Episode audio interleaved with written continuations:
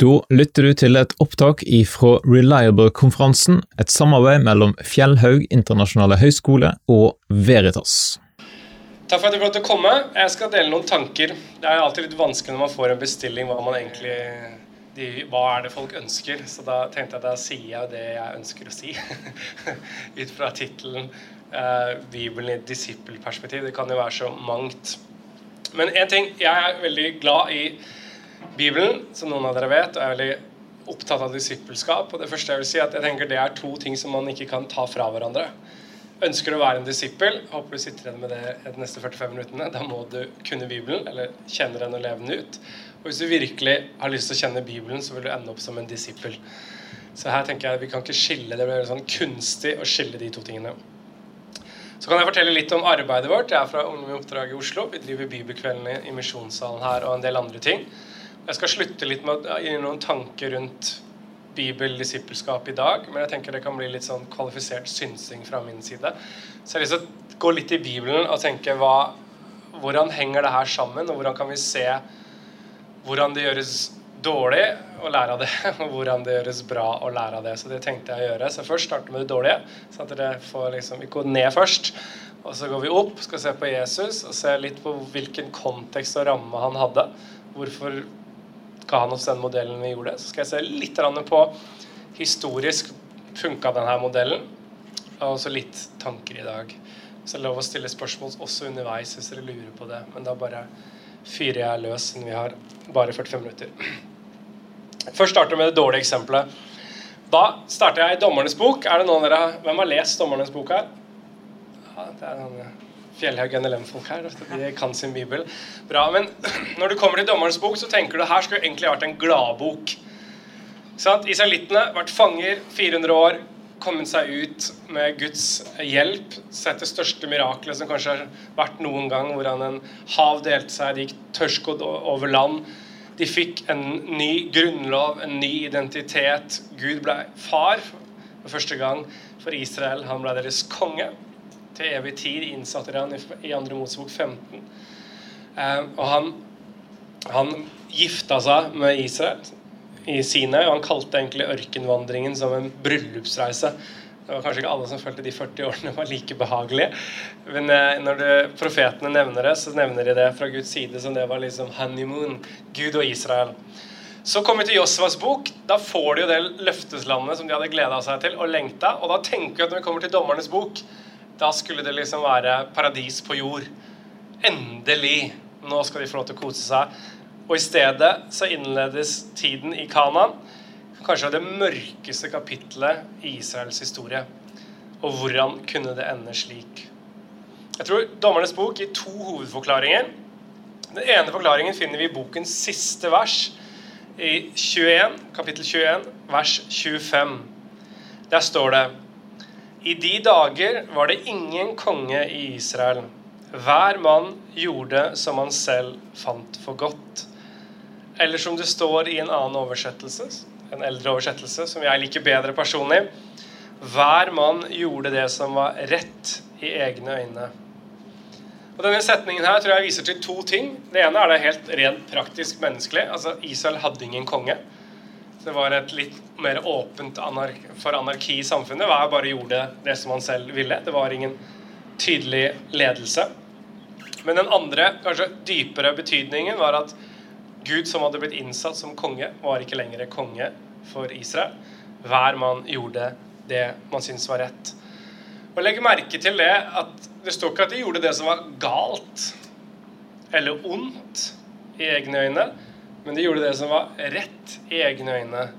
Problemet her var at de sjekket ikke med Gud om det var rett, men dommeren var dem selv, deres egen samvittighet og deres egen kultur og deres egne tanker. Hvis det føltes rett, så var det rett. Kanskje den dommerens bok bringer oss inn igjen en ganske aktuelt i dag. Hva er som egentlig er rett i dag? Jo, hvis det føles rett for deg, så er det rett. Og det var ekstremt galt av sted, skal vi se på senere. Den andre hovedforklaringen tror jeg vi finner helt i begynnelsen av Dommernes bok. Vi kan lese i kapittel 2, vers 7. Der leser vi Folket tjente Herren så lenge Josva levde, Og så lenge de gamle ennå var i live, de som hadde levd lenger enn Josva, og hadde sett alle de storverk Herren hadde gjort for Israel Så bare spoler jeg fram til vers 10. Snart var hele dette slektsleddet forent med sine fedre. Og etter dem vokste det opp et nytt slektsledd som verken kjente Herren eller visste hva han hadde gjort for Israel. Altså, de tjente Gud, Javé, så lenge Josva levde. Men neste generasjon gikk fra Gud. Det var ingen eller lite overlevering. Altså disippelgjøring fra Josvas generasjon til neste generasjon. Og så st står det ikke hvorfor det skjedde. Men man kan jo tenke seg at det var litt begge deler. Kanskje den eldre ikke så seg bryet med det. Kanskje de yngre var litt sånn som Salomos sønn Rehabeam, jeg synes alt er vanskelig å huske, som ikke ville høre på sin fars rådgivere, men bare på sine egne, og ødela Israel. Og landet ble splittet for godt i to, Israel og Judea. Men det jeg tror teksten ikke sier, er at denne neste generasjonen aldri hadde hørt liksom, om lovene om veiledningen Tore, det vi kaller Toraen har blitt fem Mosebøkene, eller om utgangen av Egypt, eller om ørkenvandringen, eller om pakten. De hadde nok hørt det, men jeg tror det betyr at ikke de kjente den, at det betydde ikke noe for dem. Jeg skal oversette det til i dag, at Guds ord ja, Vi har hørt om Bibelen, vi har hørt om de tingene her, men det er ikke så viktig. Men konsekvensene er iallfall lett å lese. Det gikk utrolig dårlig.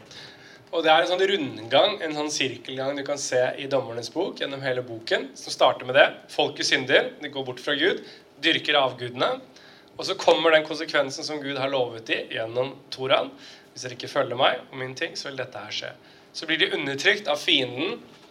Da er, det sånn, da er det typisk etter man gjør det, så begynner man å klage til Gud. 'Å, Gud, hvorfor har du så forferdelig?' Vi, går, vi vender oss alltid til Gud når alt går dårlig i livet, og så skylder vi på Han. 'Hvorfor har du gjort det her?' Og så er Dommernes bok et godt eksempel på hvor nådig Gud er. For at da syns han så synd på dem, står det. Han er for barmhjertighet med dem. Så sender han en dommer. Ikke tenk på sånn, først og fremst en høyesterettsdommer, men tenk på heller en sånn William Wallace-figur eh, som er en sånn frigjørertype. De her var sånne ville, upolerte folk som gikk og ledet en krig mot fienden, vant, og så hadde de en form for styrerolle høvdingerolle i resten av tiden de levde. Da står det da hadde landet fred, står det, og ting gikk eh, greit. Og så døde han, og så begynte det igjen. Og så holdt det på i 200-400 år. Spørs litt åssen du regner den boka, om de var samtidige eller ikke. Så Israelfolket lærte jo aldri. De lærte ikke å overføre den gudsfrykt og, og bibelske forståelsen eller lovene eller veiledningene til neste generasjon igjen og igjen og igjen. Og det som er så trist, så ser vi hvordan det er liksom, Når endelig et, et generasjon har skjønt det, eller et område har skjønt det, så fort den lederen og den generasjonen dør, så er det start på nytt. Um, altså et godt eksempel hvordan man ikke bør gjøre det her. Og Det som er trist, er at folket som skulle være et vitne om Gud, det var det de var kalt det, et lys for nasjonene, en velsignelse til jorden, endte i stedet som et kaldt, ubarmhjertig og gudløst folk. Helt motsatt av det Gud hadde tenkt. Det her holder på fram til kapittel 17, og da får vi liksom de tristeste og rareste historiene. Kapittel 17 er en sånn rar historie om en som heter Mika og moren. Jeg vet ikke hvor mange av dere har prekt over den, eh, men det er litt sånn surrealistisk ting. Men så ender det opp den kapittelet der hvor han Mika og moren bygger en helligdom i sitt eget hus. Og så ansetter de en prest en levitt der for å tjene. Og så kommer det til den tingen at på slutt at ja, men nå nå må Gud velsigne oss. Vi har lagd oss en egen helligdom, et slags lite tempel. Så vi anser til og med en prest hjemme hos meg. Nå må Gud velsigne oss. Og Så står det ikke så mye kommentarer der, men hvis du leser det, og du kjenner de fem Mosebøkene, så skjønner jeg at de er helt på bærtur. Helt, helt på bærtur. De skulle ikke lage noe helligdom i hjemmet sitt, og de skulle heller ikke ha noe levitt eller prester hos seg. De skulle være i Guds hus et felles sted hvor de alle skulle tjene Gud. Og så ringer det her i ørene deres, bør gjøre det. Alle, Det var ingen konge i Israel. Alle gjorde det som var rett i egne øyne. Mika trodde ikke at han gjorde noe feil. Han trodde han gjorde det som var rett, og moren Nå skulle Gud velsigne dem. Tenk så fantastisk det vi har gjort. Og så kan man sitte og bare bli helt bli lei seg inni seg. Men dere går jo rett imot Guds vilje. Men de så det ikke. Det var ingen disippelgjøring. Det var ingen overføring. Så går det bare hakket dårlig. I kapittel 18 så kommer Dan, Stam, Dan stamme, som skal etablere seg helt nord i Israel. Og så tenker de ah, her har vi en levitt, en prest. Den må vi få med oss. Så her rapper de med seg presten fra Mika, som ikke kan stå imot dem. Og så havner de opp og inntar et område i Dan, og så setter de opp en statue som de tilber. Og som førte til avgudsdyrkelse i resten av tiden for Israel. Og igjen så var det det samme svaret. Det tror jeg var Moses sitt sønnesønn til og med som var med på. Helt sjokkerende. Par slektsledd unna alt det fantastiske. Så går de rett imot Guds ord, og så tenker de nå at nå gjør vi det. Nå gjør vi noe fantastisk. Nå gjør vi noe riktig. Nå må Gud velsigne oss. Ingen overføring. Iallfall ingen god overføring mellom generasjonene. Og om ikke det er nok, så ender de siste kapitlene enda verre. Her er det så mye galt at jeg orker ikke å gå inn på alt, men jeg kan fortelle den siste historien. Og Det er at det er en levitt, en annen levitt som drar og finner seg sin medhustru. Han skulle ikke ha flere hustruer, men uansett, han drar tilbake til og finner henne hjemme hos sin egen far, altså hans svigerfar. Så får han overtalt henne, som har stukket av. Så kan det tyde på at han kanskje ikke var en sånn kjempegod ektemann. Eh, han finner henne hos svigerfar, og så på vei hjem så overnatter de i Gibea, en by i Benjamins stamme. Og Her også burde de ringe hvis man kjenner jødisk kultur. Så blir de ringe og bjelle, for de kommer der, og det står at de fant ingen steder å ta inn for natten. Noe av det aller aller viktigste i jødisk kultur, det er gjestfrihet. De sier det at hvis du sitter og har en sånn vanvittig hellig stund med Gud inne i huset ditt, og du merker hans liksom tjukke, tunge herlighet rundt deg, så sier jødene hvis du da banker noen på døra, så er det mer hellig, det er mer gudfryktig å åpne opp og lage mat for den fremmede enn å få være i Guds nærvær. Okay? Det er så høyt de setter det. Så når man leser det med jødiske øyne, tenker her er det Oi, hvor er gudsfryktheten her i dette folket? Ingen vil ta den inn. Første ting. Andre ting, at utpå kvelden så kommer det da en mann, en gammel mann som vil ta dem inn. Og Litt seinere, når han har vært inne hos mannen, så kommer da mannfolka i byen og spør om ikke de kan massevoldta presten.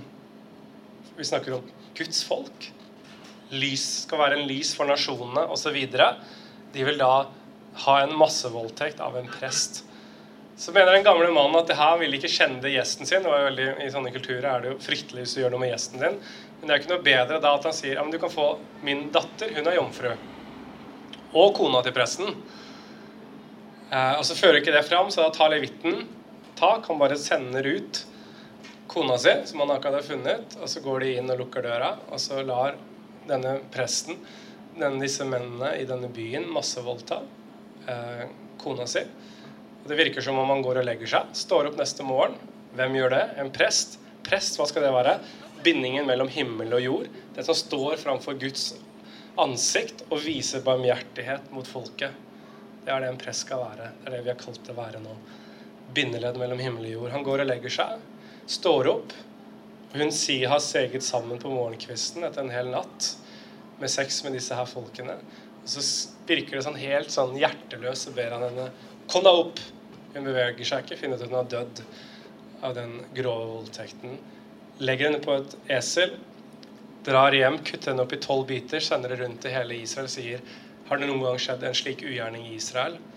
så blir hele Israel sinna på Benjamins stamme, som ikke utleverer denne byen. Og så utsletter nesten resten av Israel en hel stamme. Og så slutter boken. Det var ingen konge i Israel. Hver mann gjorde det som var rett i egne øyne. Grusom historie. Dette var Guds folk. De skulle vise resten av verden hvem Gud var. Og så ender de opp med en massevoldtekt av en press kone og en press som virker nesten ikke til å bry seg om at kona hans dør utenfor, dør, utenfor døra mens han sover. Det er ikke akkurat oppløftende nyheter, men jeg sier det med et varsko. Hva skjer på veldig, veldig kort tid hvis man ikke får overlevert den veiledningen, det ordet som kom fra Gud, og det budskapet? For hva er det profetene sier? At Hjertet er svikefullt mer enn noe annet. Når vi bytter ut Guds veiledning med vår egen samvittighet og kultur og forstand, da det ikke, kan det fort gå veldig, veldig, veldig galt. Og her ser vi et eksempel på hvordan disippelgjøring ikke fungerte. De tok ikke videre og lærte det de lover og regler Gud hadde gitt dem. Så har vi heldigvis bedre, mange bedre eksempler i Bibelen. Jeg tenkte vi kan like gå til Jesus, som er den beste. Han begynte sin offentlige tjeneste i 30-årene, som skikken tilsa i Israel. Han var en stor rabbi, en læremester i hele Tanak, hele GT. Jo mer jeg har studert det her i jødisk kultur, så, så bildet jeg vokste opp med, at Jesus var litt sånn halvulærd. Liksom, han var ikke helt liksom, litt spesiell type, men han var en veldig anerkjent, kanskje en av de mest anerkjente rabbiene på den tiden. Han hadde et stort følge. Og eh, sånne ekskaveringer har gjort, altså gravd fram i Kapernaum. Den klasserommet som ofte var ved siden av, hvor de hadde undervisning, selve sabbaten, nei, selve synagogen, det er det største klasserommet de har funnet fram til år 1500. Så en av de som uh, har brukt mye tid på det her, som heter Ray Van Delan, han mener at liksom Jesus var på en måte professor på Harvard, sin, sin tids Harvard. At Galilea var det mest religiøse oppegående eh, gjengen, men selvfølgelig folk i Jerusalem, som folk i Oslo, tenker at ingenting bra skjer overfor Synsenkrysset. Eh, så han tenkte litt Jerusalem òg. Der var liksom eliten samlet med en sånn bibelbelte på mange måter. På Jesu tid var det Galilea, kanskje derfor han var der. Alle disiplene var fra Galilea, utenom muligens én. Hvem var det? Judas Iskariot. Så jeg vet ikke om det er et bilde også på, på, på den greiene der. Men iallfall, han var en stor rabbi eh, og har plukket ut tolv disipler. Som regel måtte du søke for å bli en disippel. så vise deg hvor god du var. Men han og en annen som heter Hillel, som var kanskje en forbilde for Jesus, de kalte disipler. Det er derfor vi har det å bli kalt til noe. Han kalte de til seg, for han så potensialet i dem. Antageligvis var det rundt 13-15 år hvis de fulgte jødiske skikker.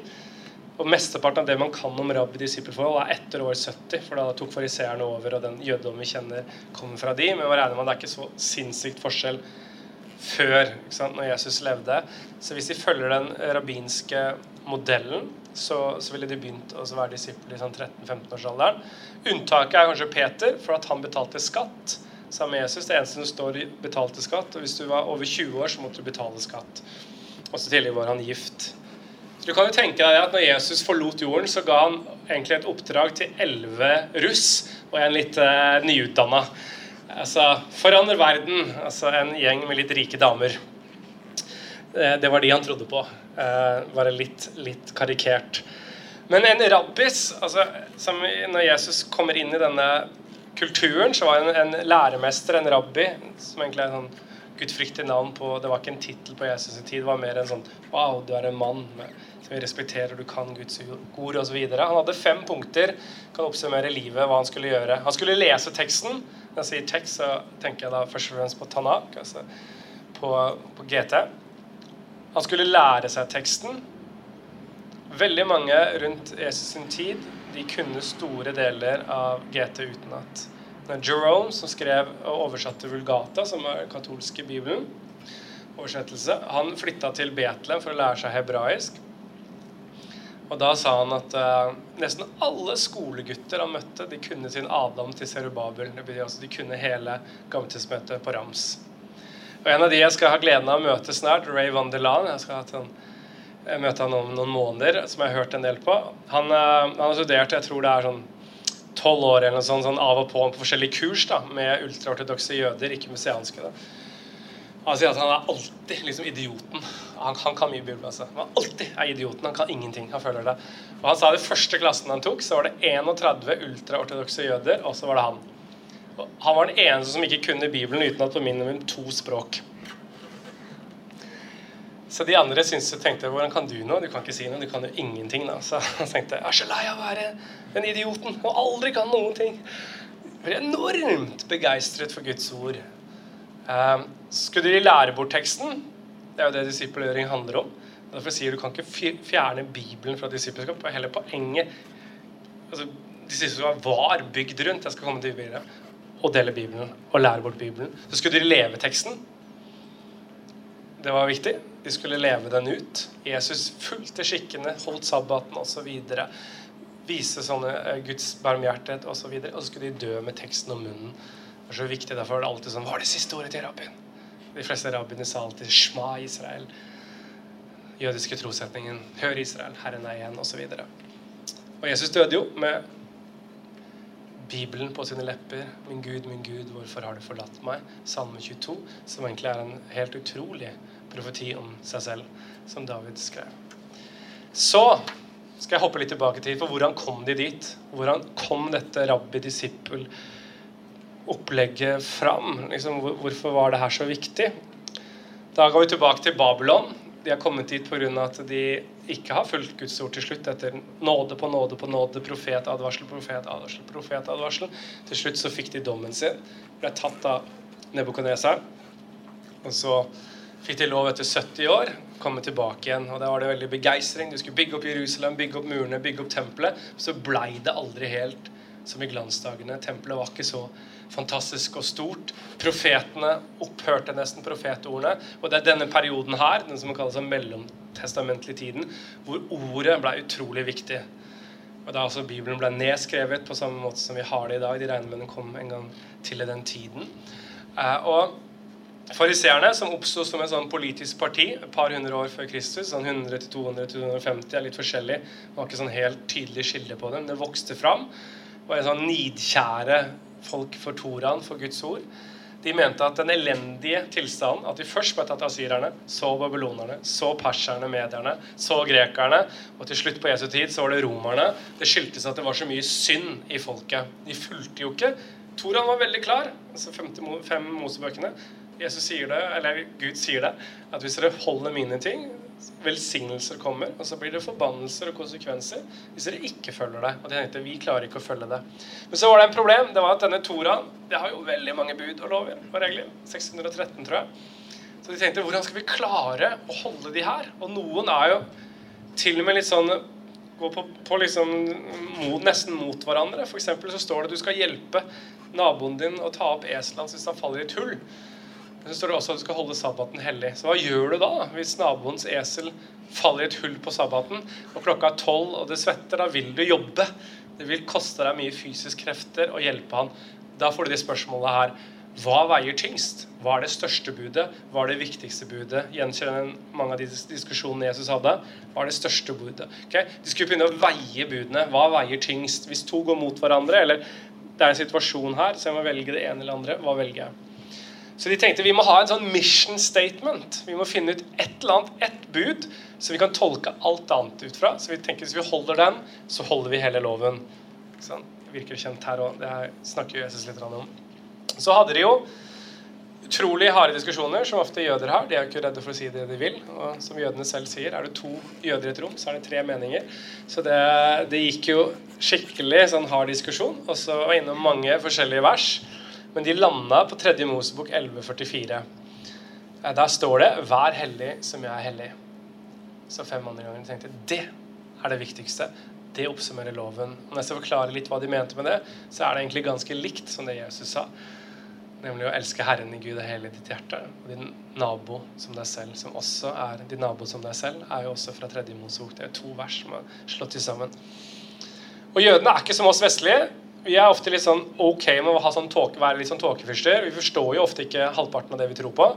Men sånn er det ikke jødene. Jødisk teologi må være praktisk. Hvis ikke det funker, så er det dårlig teologi, og da kaster de det. Det må være praktisk. Derfor spurte de hva betyr det at Gud er hellig. For hvis vi skal være hellige, så må vi forstå hva hellighet betyr. Og da kom de fram til en slags ting at det er to, to, hellighet har to sider. da. Det ene er at du er annerledes perfekt og større enn noe annet. altså ikke sant, en storhet, voldsomhet, annerledeshet, de tingene som vi ofte tenker på på hellighet, men det er også at han er god. Man kan ikke skille Guds godhet fra hans hellighet. Men så tenkte de men hvis skal, vi skal være hellige De tenkte nok ikke jeg, for de er opptatt av kommunitet og fellesskap. Så hvordan vi skal være hellige Så var det fortsatt for abstrakt for dem. Tenkte, ja, altså Gud er annerledes og god, men, men hvordan er det? Og så tenkte jødene de har alltid vært sånn, de har vært mye mer opptatt av handling enn ord. Så hvem er Gud? Essensielt, det ser vi gjennom handlingene hans. Så Derfor begynte de i Toraen å se hva er det Gud gjør. For hvis vi skal være hellige, så må vi imitere Gud. Og Så begynte de å lese. Ok, Gud som skaper. Ergo, hvis jeg skaper noe, lager jeg dikt, en sang, noen figurer på en eller annen form former en eller annen hus, er kreativ, så ligner jeg Gud. Da er jeg hellig. Og ikke minst hvis jeg skaper barn. Gud skapte jo menneskene. Så ligner jeg Gud. Derfor ble også familie veldig, veldig viktig.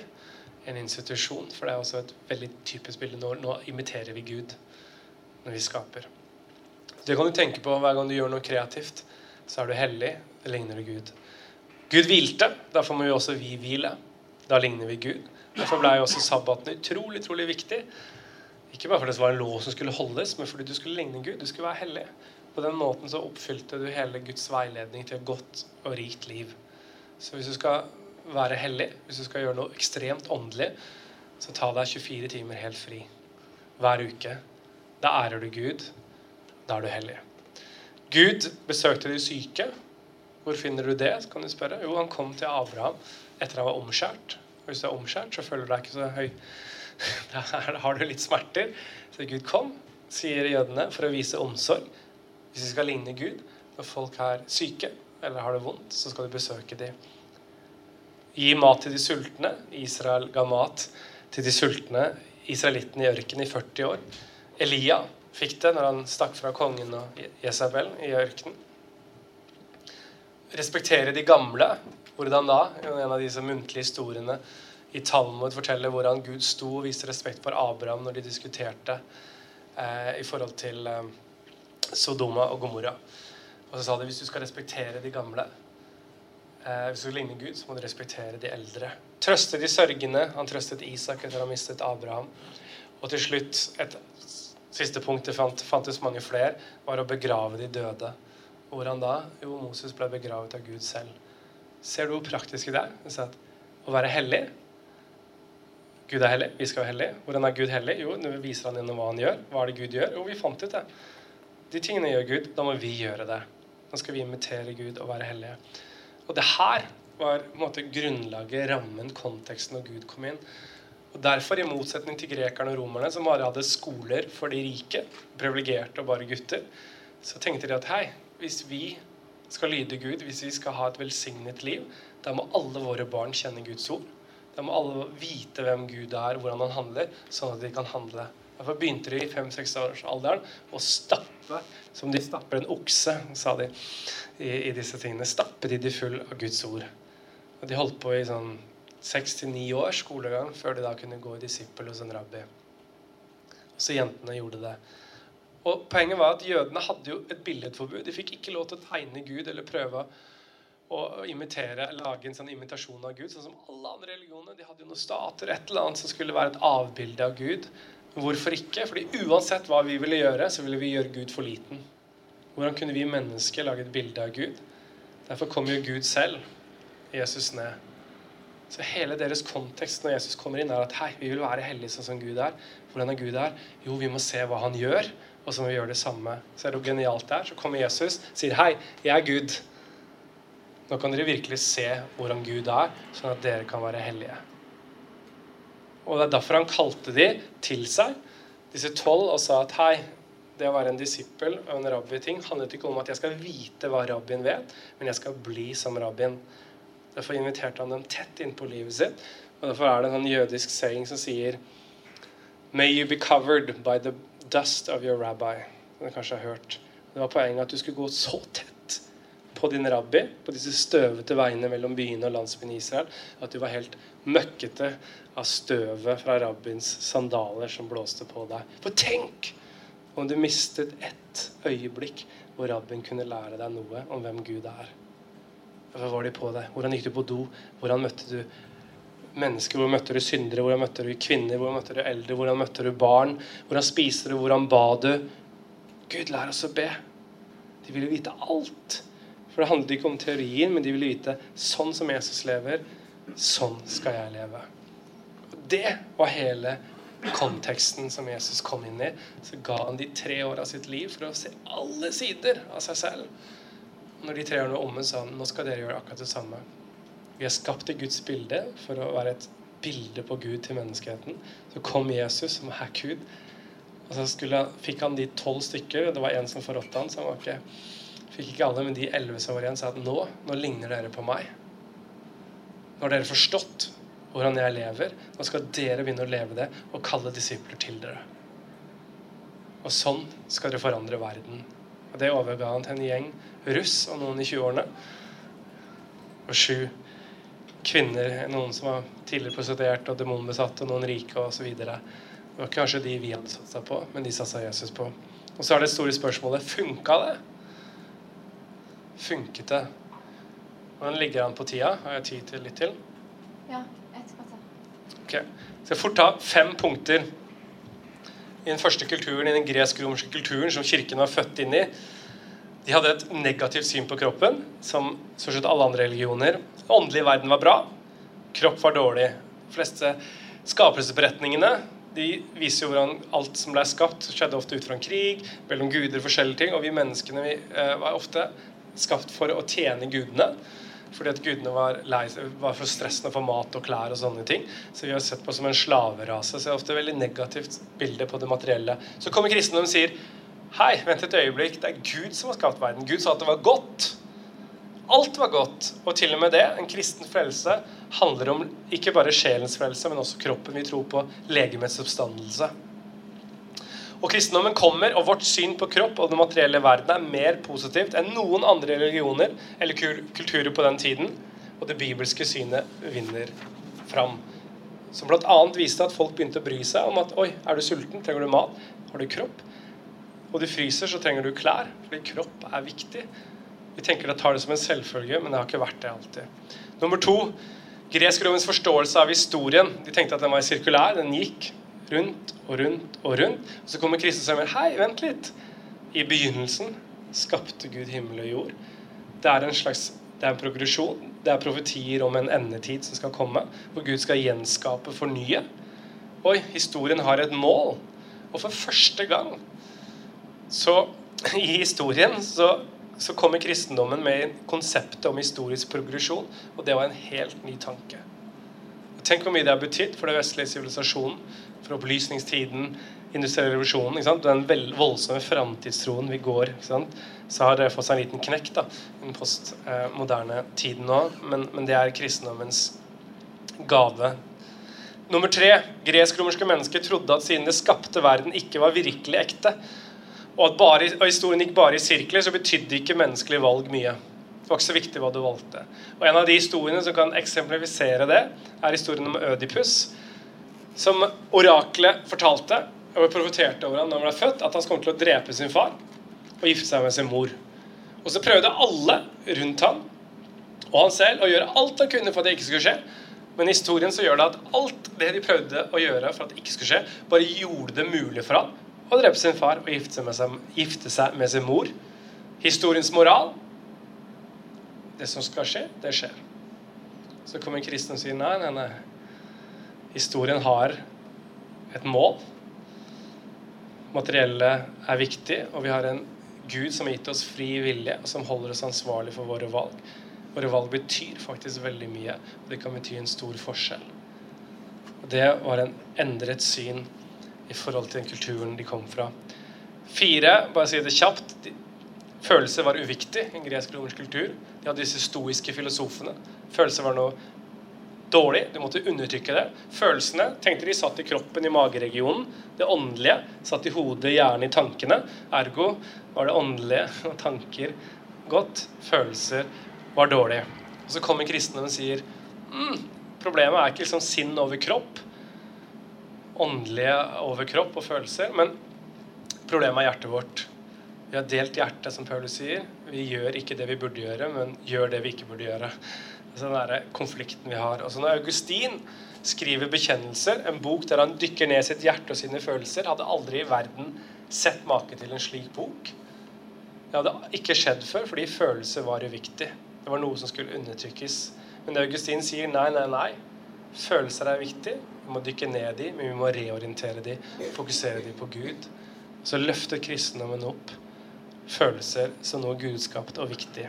Og sist men ikke minst, individet var ikke veldig viktig. Filosofene lærte når du dør, så blir du opptatt i liksom universets ånd, men ikke som en individ, bare en del av en større helhet. Tenk på en dråpe vann i et hav. Du er der fortsatt, men du kan ikke skilles fra noe. Du er en del Og siden også grekerne la veldig stor vekt på argumentasjon og forstand, så kunne Aristoteles hevde at kvinner ikke var, like mye verdt som menn, fordi de var mer følelsesstyrte, mente de, og, kvinner, og menn var mer rasjonelle. Ergo hadde kvinner bare halvt status som menneske i Aristoteles' tenkning. Eh, og også kunne det være helt greit at Romerriket var bygd på 90% slaver, fordi en del rasemøntere var ikke så forstandige, intellektuelle. Ergo så var ikke de like mye samme verdi. Og så kommer kristendommen og sier Hei, vent litt. Vi er skapt alle i Guds bilde. Og det at vi alle er skapt i Guds bilde, gir hver enkelt individ en uendelig verdi.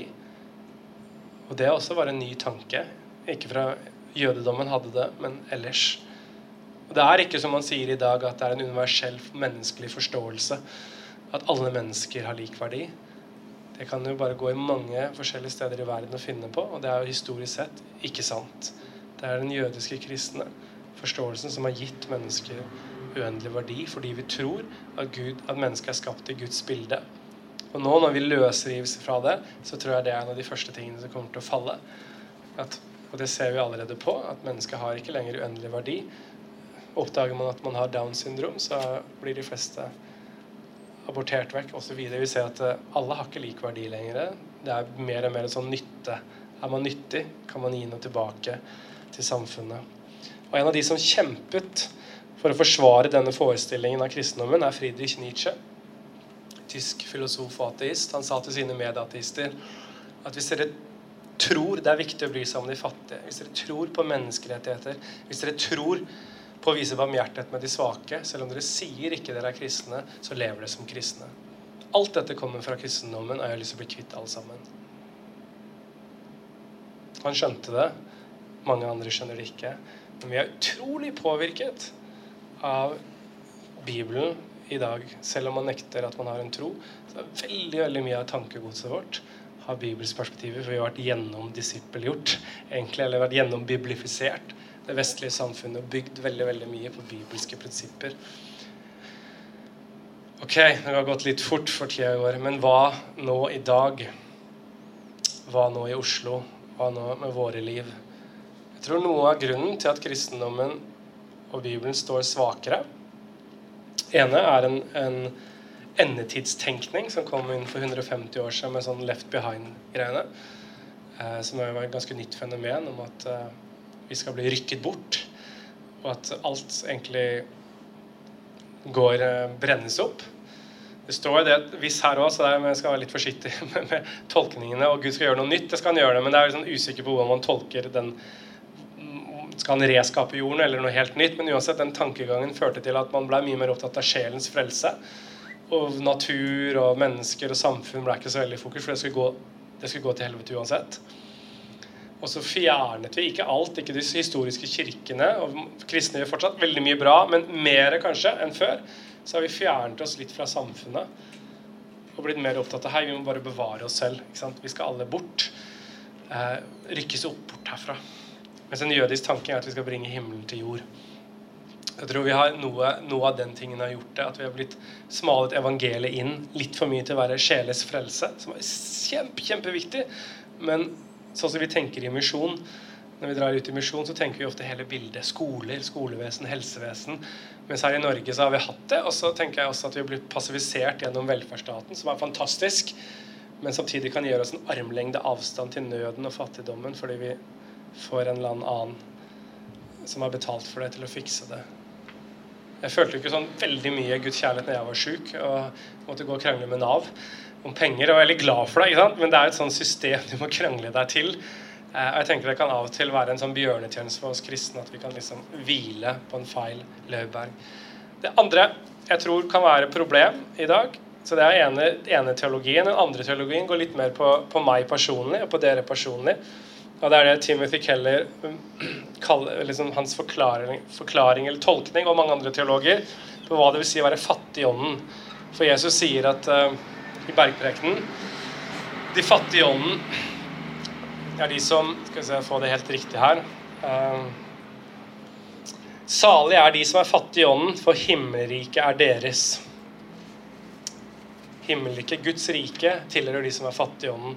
Så spør Timothy Keller på et jødisk vis Det er for uh, fattig i ånden. Hva er det? Det er abstrakt. Så sier han være fattig i ånden, det er å være åndelig konkursbo. Du kommer til Gud og sier vet du hva, jeg har ingenting å vise til. Jeg er helt bank, bankrupt. Det er ingenting i meg som fortjener frelse. Du må frelse meg fra topp til tå. Alt er av nåde. Og Timothy Kellers slogan er det at du er mye verre enn du tror du er, men Gud er mye bedre enn du, enn du tror han er. Liksom, vi må innse at vi er fattige og vi har ikke noe å tilby Gud. Og hvis vi gjør det, da kan vi aldri se ned på noen marginaliserte i samfunnet. Og hvordan kan du komme og si til en fattig 'Få deg jobb! Dra deg opp! Kom igjen, da! Ta deg sammen!' Og hvis Gud hadde sagt det samme om deg, så hadde du vært fortapt. Det eneste som har gjort at du og jeg er frelst, er det Gud har gjort for oss. Ikke våre egne gjerninger. Men problemet er, som Timothy Keller sier, som jeg tror er veldig sant her i Oslo, og jeg kan kjenne det mye i mitt eget liv, at kanskje er vi middelklasses i ånden.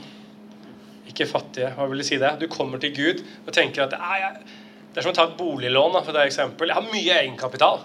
Da trenger jeg litt lån bare. Jeg trenger bare en million for det huset der. Jeg har fem millioner sjøl. Gud, jeg er nesten frelst sjøl.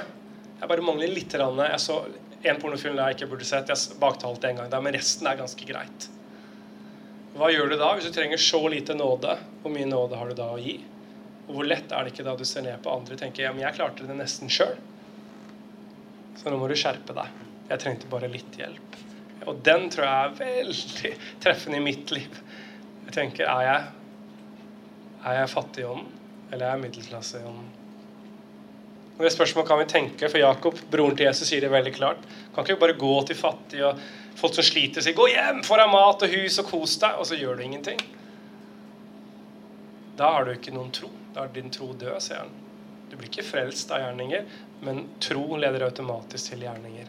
Så hvis du ikke bryr deg, hvis ikke jeg bryr meg om fattige, om innvandrere, om andre folk som har det vanskelig i Norge, i Oslo, da burde jeg stille meg spørsmålet er jeg fattig i ånden, eller er jeg egentlig middelklasse? Så hvordan kan det se ut i dag, det jeg har prøvd å bruke de siste åtte årene av livet mitt på? Jesus kunne man følge på en armlengs avstand, eller til og med ligge opp til brystet hans med Gud selv. Men i dag i Oslo, hvordan ser det her ut? Jeg følte Gud utfordra meg til å si prøv å finne noen nøkler Joakim, hvordan det her ser ut. Å være en livsstilsmisjonær, en livsstilsdisipler. Ikke, ikke nødvendigvis folk som har det som en jobb å være pastor eller lovsangsledere eller misjonærer, men et vanlig liv.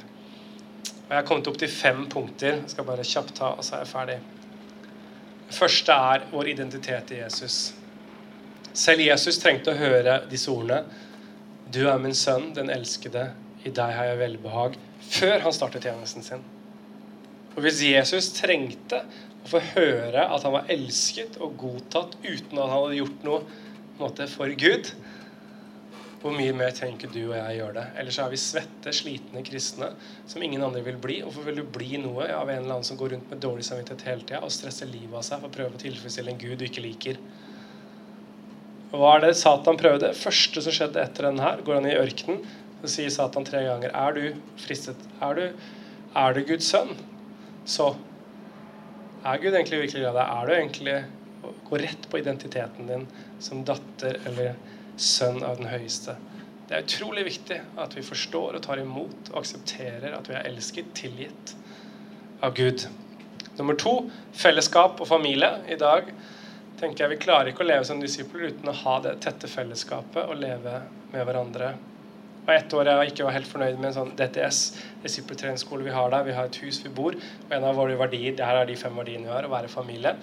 Så gikk jeg ut derfra, og jeg hadde ikke sånn daglig ansvar. Så sa jeg til kona mi det er et eller annet feil her. Jeg klarer ikke finne ut, men det er et eller annet som ikke stemmer. Og så etter jeg gikk ut fra den frokosten, så bare idet jeg gikk ut av døra, så sa jeg ah, de bare bor sammen. Det er ikke familie.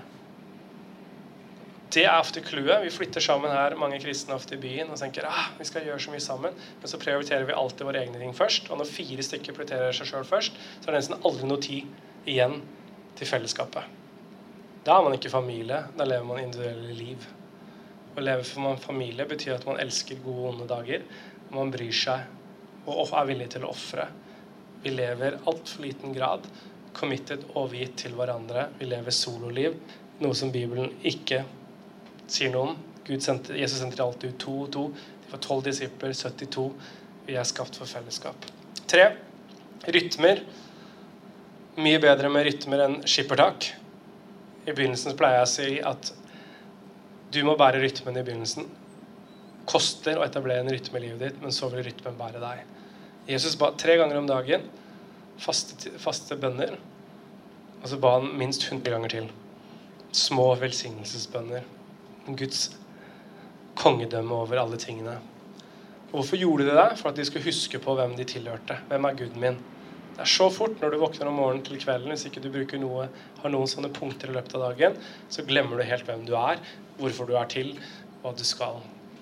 Bedre gjøre noen få små i løpet av dagen enn prøve land en gang i måneden og gjøre sånn skippertak. Men finne gode rytmer i livet ditt. Tidebønner, sabbat, holde det, retreat i året. Det er ikke noe sånn lovisk over det, men, men det er, det her er det noen ting vi må lære fra jødene og fra Jesus selv. Fire bibelkunnskap. Håper du har fått det. Du kan ikke være en disippel uten å kunne din bibel.